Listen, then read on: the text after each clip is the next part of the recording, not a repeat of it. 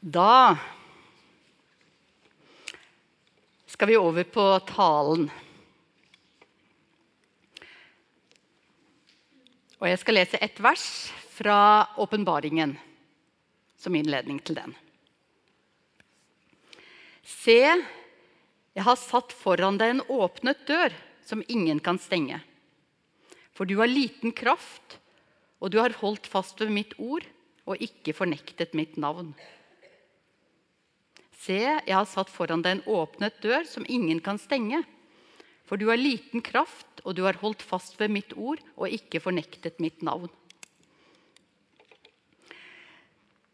For de som har vært med på konferansen, de som var med på konferansen, de hørte at jeg på kickoff på um, fredag fortalte om at uh, da jeg var 23 år og ble påkjørt så hadde jeg et møte med Jesus da jeg var så langt inn i døden at de ikke visste hvilken uh, vei det kom til å gå for meg. Uh, og at det handlet om at jeg kjente en veldig tilhørighet. Her er det jeg hører til. Fortsettelsen på det er jo at det er ikke en tilhørighet som bare er der framme en eller annen gang. Altså Det er noe som vi har allerede her nå. Guds rike er her og nå. Eh, I noen engelske oversettelser så står det at Guds rike er for hånden. Altså, Det er, er, her. Allerede nå når jeg står her, så kan jeg vite at nei, Jesus er her ved siden av meg, sånn som vi sang nå i stad. Jesus er ved siden av deg der du sitter. Og han ønsker å vise deg det. Og på konferansen nå så har vi Gud har minnet oss på det gang etter gang. Jesus har minnet oss på det med sin kjærlighet til hver og en av oss. Til deg at det er en dyrebar kjærlighet. Det er en korsmerket kjærlighet jeg har gitt deg. Jeg elsker deg, sier Jesus. Og han spør, elsker du meg? Han har minnet om at den kjærligheten må være sann. Og så har han minnet oss om at vi skal bli i hans kjærlighet. Og at det handler om å holde hans bud, som er å elske hverandre. Og som fører oss tilbake inn igjen i hans kjærlighet. Og så ble vi minnet av Andreas Nordli om at eh, det finnes fem misjonsbefalinger. Vi skal gå ut til andre mennesker.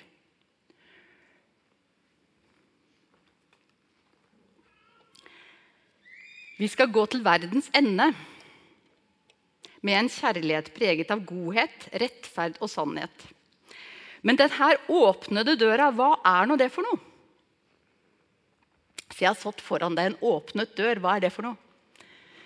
Hva er den åpnet for? Jeg har lyst til å begynne med hva jeg tror det ikke betyr. Jeg er ganske sikker på at det ikke betyr at det er en sånn åpenhet for at du skal gå ut og realisere livet ditt. At nå blir du kristen, eller nå tror du på Jesus, så da kan alt skje for deg, sånn at du kan få realisert mest mulig.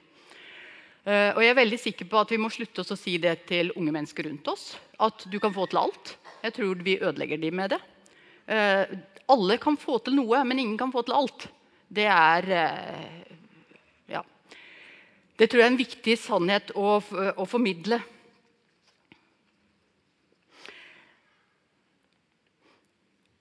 Dessuten så er det jo sånn at Fryktelig egoistisk, da. Og vi er jo ikke, vi er jo ikke kristne én og én. Altså, vi er skapt til et fellesskap. Vi er frelst inn i et fellesskap, en søskenflokk, en familie. Som jeg syns jeg har kjent veldig mye på de dagene her. Vi er en familie. Så hva er den åpnede døra? Så langt jeg kan skjønne det som står i, i kapittel 3 her, i det sendebrevet til Philadelphia, er den teksten her, det verset hentet fra. Uh, støttes opp under hvordan Paulus bruker det med åpnet dør veldig mange steder, så er det en åpnet dør for evangeliet. Så det jeg tror Jesus vil minne oss om nå, er jeg har åpnet en dør for evangeliet. Sånn at jeg kan nå ut til alle mennesker. Og det skal dere være med på. Det skal dere være med på. Jeg elsker deg, Og det er nok for deg. Min nåde er nok for deg. Men alle mennesker Jeg lengter etter alle mennesker, sier Jesus.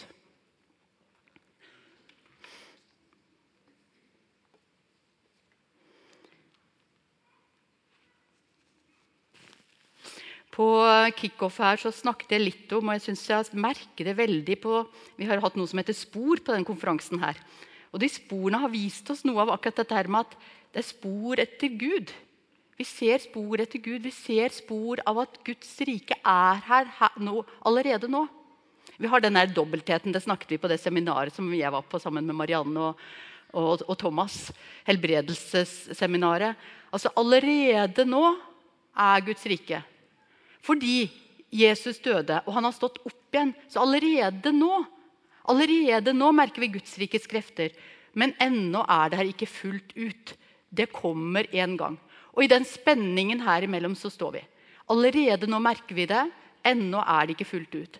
Og så merker vi da spor av Gud rundt om i verden. Men vi må også ut. Se, setter foran deg en åpnet dør. Eller vi kan lese Johannes 10. Johannes 10 og de første versene der. Så står eh, overskriften på det avsnittet her 'Jeg er porten'. Og dette her er en uh, Jeg har vokst opp på en gard. Jeg kan ikke så mye om sauer, men jeg kan en del om kuer. Det bildet her som Jesus bruker i Johannes 10, det er saueflokken når den er i en stor innhegning gjennom natta. Eh, da er det mange saueflokker samlet i den store innhegningen. Og så er det en port, og der har de gjerne leid inn en vaktmann som passer på denne porten. Og når, gjeteren, når den gode gjeteren kommer da, og skal hente sine sauer, så går han inn gjennom porten og så kaller han sauene sine ved navn. Og de hadde da ofte navn på sauene. Men sauene kjente nok først og fremst stemmen. Og så Det Jesus gjør, er ikke at han tar med den gode gjeteren fører ikke sauene først og fremst inn i den innhegningen, men han fører de ut. Og det er jo noe ganske annet. Han henter sauene sine inn i innhegningen, og så fører han de ut. Jeg må si at jeg var ganske voksen før jeg oppdaget at det var det som sto. Eh, det er rart med denne her bibeltekstene. Jeg kan lese de om igjen og om igjen. Og så plutselig så skjønte jeg at Jesus fører oss ut. Det er det han vil oss. Han vil ta oss ut. Fordi det er ikke inne i innhegningen der vi finner maten engang. Nei, den er rundt omkring andre steder. den. Og derfor så tok da gjeteren med seg sauene, og så gikk de rundt for å finne beite der det var. Og I Juda så kunne det godt være at, måtte, at han måtte lede dem på ganske sånn smale fjellhyller rundt. Og Da gir det mening det som står i Salme 23, at din kjepp og din stav trøster meg. For det gjeteren gjorde da, var at gjeteren gikk foran, og så satte han staven i bakken. For sauene hadde mer enn nok med å se hvor de skulle sette føttene sine. Og så slo gjeteren staven i bakken, sånn at sauene kunne følge lyden bortover til de stedene der det var beite. Før, eh, lenge før jeg ble generalsekretær Det var før jeg i det hele tatt begynte på hovedkontoret til Nordmisjon. Eh, så satt jeg i Jeg visste at jeg skulle begynne der. Jeg hadde fått eh, jobb som personalleder i Nordmisjon. Jeg hadde jobbet lenge på Staffels. Og så hadde jeg fått jobb som personalleder, og så hadde jeg to måneders studiepermisjon i overgangen. Og så satt jeg i Mortensrud kirke på høymesse. Og så hørte jeg en tekst bli lest. Det var Jesaja 49. Og så tenkte jeg det er en tekst til Nordmisjon. Og kjære Gud, hvorfor gir du den til meg? Og der stod, står det Så sier Herren, i nådens tid svarer jeg deg, på frelsens dag hjelper jeg deg.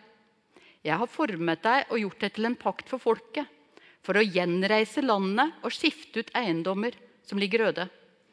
For å si til fanger 'gå ut', og til dem som er i mørket, 'kom fram'.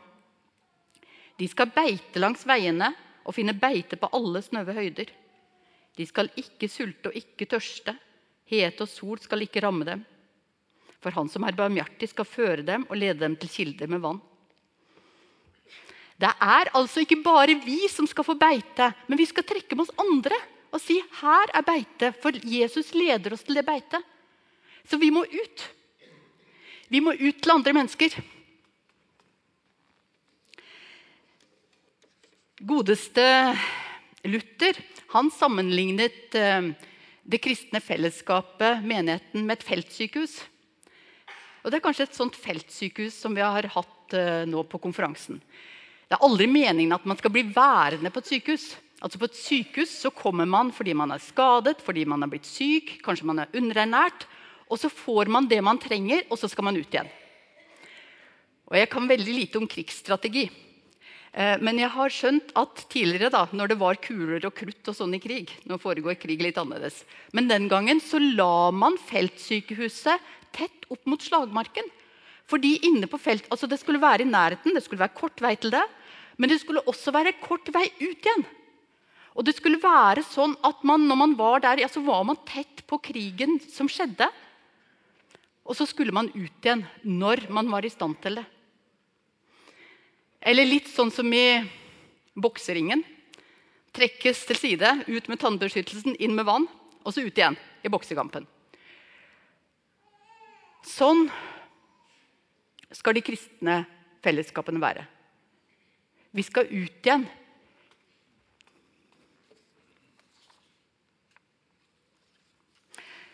Så står det noe mer i eh, det verset i åpenbaringen. Du kan gjerne sette det opp igjen hvis du har det der. Altså, Se, jeg satt foran deg en åpnet dør som ingen kan stenge. For du har liten kraft, og du holdt fast ved mitt ord og ikke fornektet mitt navn. Du har holdt fast med mitt ord.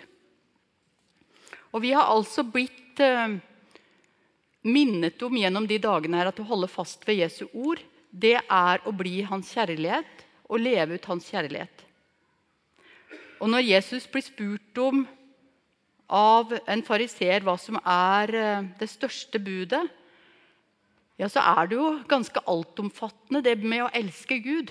Du skal elske Herren din Gud av hele ditt hjerte, av hele din sjel og av all din forstand. Eller hvis vi går til 5. Mosebok, der det er hentet fra, så står det 'av all din makt'. Og vi vet at noen rabbinerskoler oversatte det nærmest med, med hele din økonomi. Du skal elske Herren din Gud med alt du er og har. Du skal overgi deg sjøl til Han, og så skal du følge Han. Men kjære dere Vi kan ikke være inne i menigheten og holde fast inne i huset inne i menigheten og holde fast på Guds ord. Vi skal ut og holde fast på Guds ord. Vi skal ikke sitte inne og holde fast på det. Vi må ut. Andreas Nordli minnet oss om at det er fem misjonsbefalinger, sånn som jeg sa. Og det er en verden som roper. Det er en verden som roper. Så vi skal ut. Og det finnes ingen kirke uten misjon. Det er en selvmotsigelse.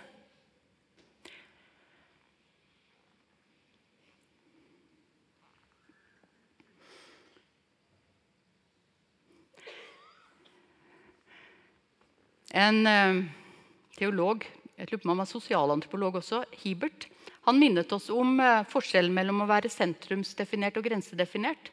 Hvis vi blir veldig opptatt av hva som er grensene rundt oss, ja, så kan vi gå litt surr i hva som, og kanskje glemme hva som er sentrum.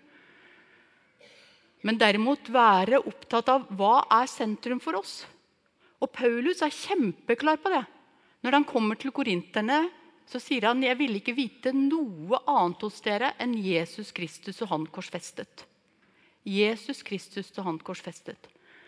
Og han eh, sier det samme i 1. Korinterbrev kapittel 15, selve oppstandelseskapitlet. Jeg kunngjør for dere søsken det evangelium jeg forkynte dere. At Kristus døde for våre synder etter Skriftene. at han ble begravet, at han sto opp den tredje dag etter Skriftene, og at han viste seg for Kefas og deretter for de tolv, Og så, videre, så peker han på hvordan Jesus viste seg.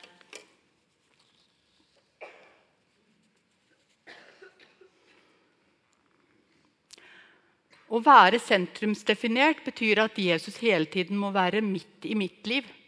Dette er grunnsynden. Dette er grunnsynden i livet vårt. At vi sirkler rundt oss sjøl istedenfor rundt Jesus. Jeg kjenner den dessverre altfor godt igjen i mitt eget liv. At jeg er opptatt av meg sjøl, sørger for meg sjøl. Hvilke behov er det jeg har? Ja, hva var det jeg ble såret av nå? Osv. Menneskelige behov som vi har lov til å være opptatt av, selvfølgelig men ikke alltid og til alle tider. Sentrum skal være Jesus. Og det er han vi skal rette blikket mot. Han Vi lever etter at han døde på korset og sto opp igjen. Og vi er på vei mot alles oppstandelse. Mot at Guds rike kommer fullt og helt. Guds folk, menigheten, er et Guds folk på vandring. Og Da går vi mot der, og så tar vi de fleste av oss tar noen sånne avstikkere. og Da må vi hjelpe hverandre tilbake ikke sant, på veien.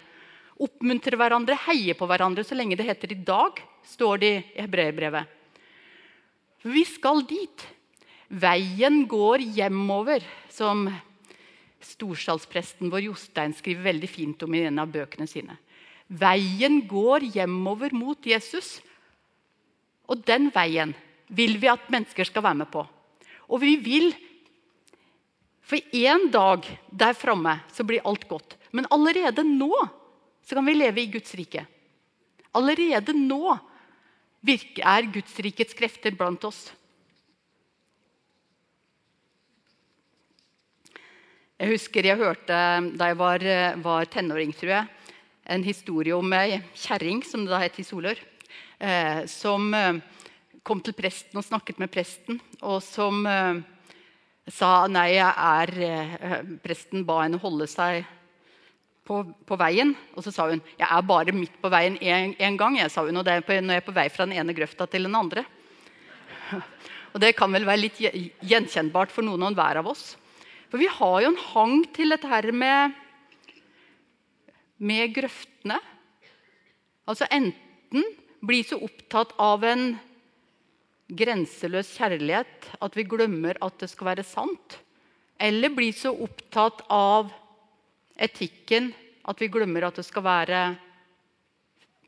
at det Gud ber oss om, er å være fullkomne, full av kjærlighet. Det som er fint, det som er veldig fint, og det som er sant, er at Jesus er veien. Han sier det sjøl. Jeg er veien. Så det handler om å følge etter han på den. Jeg er veien, sannheten og livet.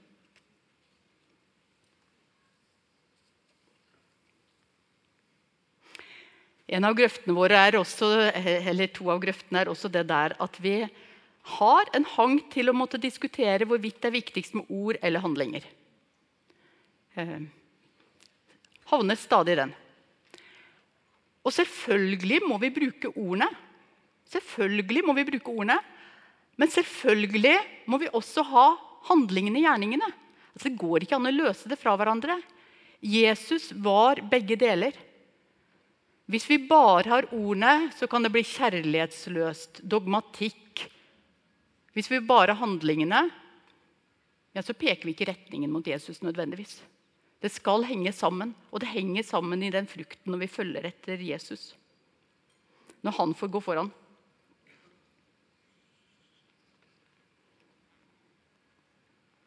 Guds rikes krefter bryter igjennom. For mange år siden så var jeg i Brasil. Eh, det var eh, året etter jeg var eh, påkjørt. Da hadde jeg en bror som var misjonær der sammen med kona si. Og jeg klarte ikke å fortsette på skolen jeg gikk på, så jeg reiste og besøkte han. Det var mitt første møte med nært hold med misjon, og det var mitt første møte med fæl fattigdom. Eh, det gjorde veldig mye med meg. Og jeg var på besøk, De jobbet i en by som heter Koritshiba. men jeg var på besøk i Brasilia, i hovedstaden, som er bygd som en flykropp. Der eh, presidenten bor da i cockpiten, og så er eh, det en flykropp bakover, og så alle funksjonærene bor der som der flyvingene er. Men så er det også, vokser det da opp slumbyer. Eh, og noen av misjonærene jobbet i de slumbyene. Og jeg var på besøk der. Møtte en kvinne som hadde fire barn, som eh, var med i menigheten. Hun jobbet fra sju om morgenen til åtte om kvelden. Og da satt de fire barna, særlig de minste, oppstilt Eh, og ventet på at mor skulle komme hjem, sånn at de kunne få vist henne, fortalt én ting fra den dagen før de sovnet. Eh, så var jeg i besøk hos en mann der som eh, Kona var hjemme. Hun, jeg vet ikke hva som hadde skjedd, men hun var, altså hun var blitt psykotisk. Men hun bodde nå hjemme der. De hadde fem barn. Han hadde ikke arbeid, han hadde ingenting å gi ungene, men de fikk mat på et barnehjem, katolsk barnehjem i, i, i nærheten to ganger om dagen. Og den mannen, han strålte. Og han sa at etter at jeg møtte Jesus, så har jeg fått en ny verdi. Jeg er like mye verdt som de fine funksjonærene inne i Brasilia. Jeg er president i menigheten vår her. Og jeg dro hjem dit som jeg bodde hos de misjonærene, og jeg lå og grein hele natta. Det møtet møte med han og det strålende ansiktet hans, som ikke eide noen ting, men han var like mye verdt. Vi merker Gudsrikets krefter allerede nå. Vi merker de i form av helbredelse. Jeg fikk sterk fortelling fra Mariann og Thomas i går med deres Adrian. Som ble bedt for, og som ble frisk uten at de hadde så veldig stor tro på det. Eh, jeg ble, har sjøl for fire år siden blitt uh, helbredet for både allergier og migrene i helbredelsesrommet her. Uh, da var jeg den eneste som trodde på det. Det var ingen av de andre som trodde på det. og til slutt så Fordi jeg tålte noe melk etterpå det skulle Jeg, jeg hadde vært kvalm i jeg husker ikke, 30 år, 35 år. Uh, spurte ofte Lefgården om morgenen hvor kvalm er du. Eh, og kvalmen var borte. Dagen etterpå så spiste jeg mat med, med fløte i, og kvalmen var borte. Og migrenen hadde jeg ett anfall til, sånn som jeg fikk eh, på en måte vite det jeg ble bedt for. Eh, og så har den vært borte etterpå. Leif Gordon sa til meg etterpå du får si som den blinde mannen at jeg vet egentlig ikke hva som har skjedd, men jeg vet at før tålte jeg ikke melk, nå tåler jeg det. og der, ja. ja. Og I går så gikk jeg i helbredelsesrommet egentlig mest fordi jeg syns det er så godt å sitte der. Eh, eh, men så skrev jeg noe på noen punkter. da. Og så kom jeg inn, og så han som ledet det, spurte sa ja, men det er egentlig åpent sånn for at du kan bli bedt for med en gang. Og så sa jeg nei, jeg tror jeg må sette meg så vidt. Så satt jeg to-tre minutter, og så nikket til han. Og så ble, fikk jeg da komme inn til to damer og hilste på de, og så sier da den ene Kari ja, jeg har, eh, hadde skjønt på forhånd at jeg skulle be for deg i dag. Og jeg ble minnet om deg for tre dager siden. Og jeg har bedt for deg og ble minnet om å be for deg og familien din for, for tre dager siden. Gud er en underlig Gud.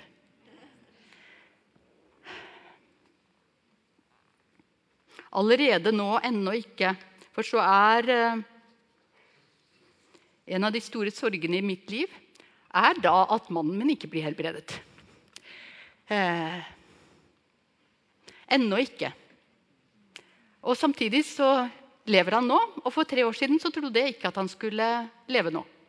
Eh, og det er et stort under for, i seg sjøl. Mm.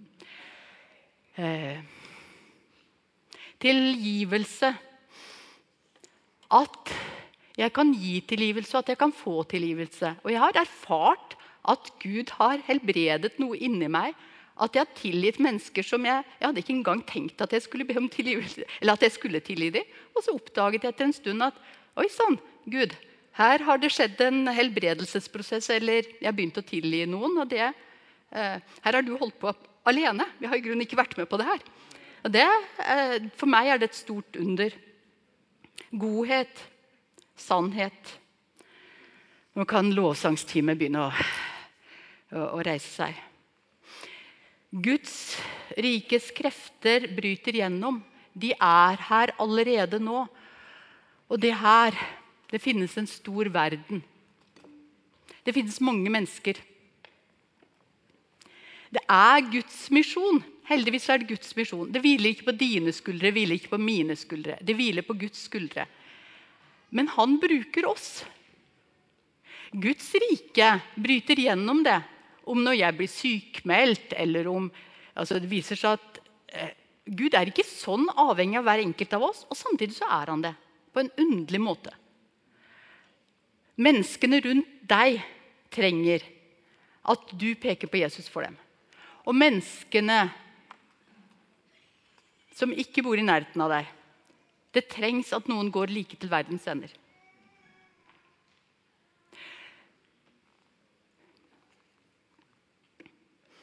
Det er veldig lett å eh, gå ut etter en tale, etter en gudstjeneste, etter en konferanse. Og så tenker jeg at nå har jeg fått med meg mye fra de dagene her. Og så går vi bare inn i det vanlige igjen. Så derfor, mens de begynner litt sånn rolig her nå etterpå, så har jeg lyst til at du skal tenke over hva er det Gud har utfordret deg på i dag eller de dagene her. Hva er det han vil at du skal gjøre noe med, ta tak i? Er det noen mennesker han viser deg? Er det noe ved livet ditt? Noe han vil at du skal gjøre opp? Er det noe med økonomien din han vil at du skal ta tak i? Og så hold litt fast på det, og så gjør noe med det. Ehm, kanskje du skulle avtale med noen nå litt kjapt etterpå, sånn at noen spør deg etter en stund har du gjort noe med det. det være, for meg er det en veldig god hjelp.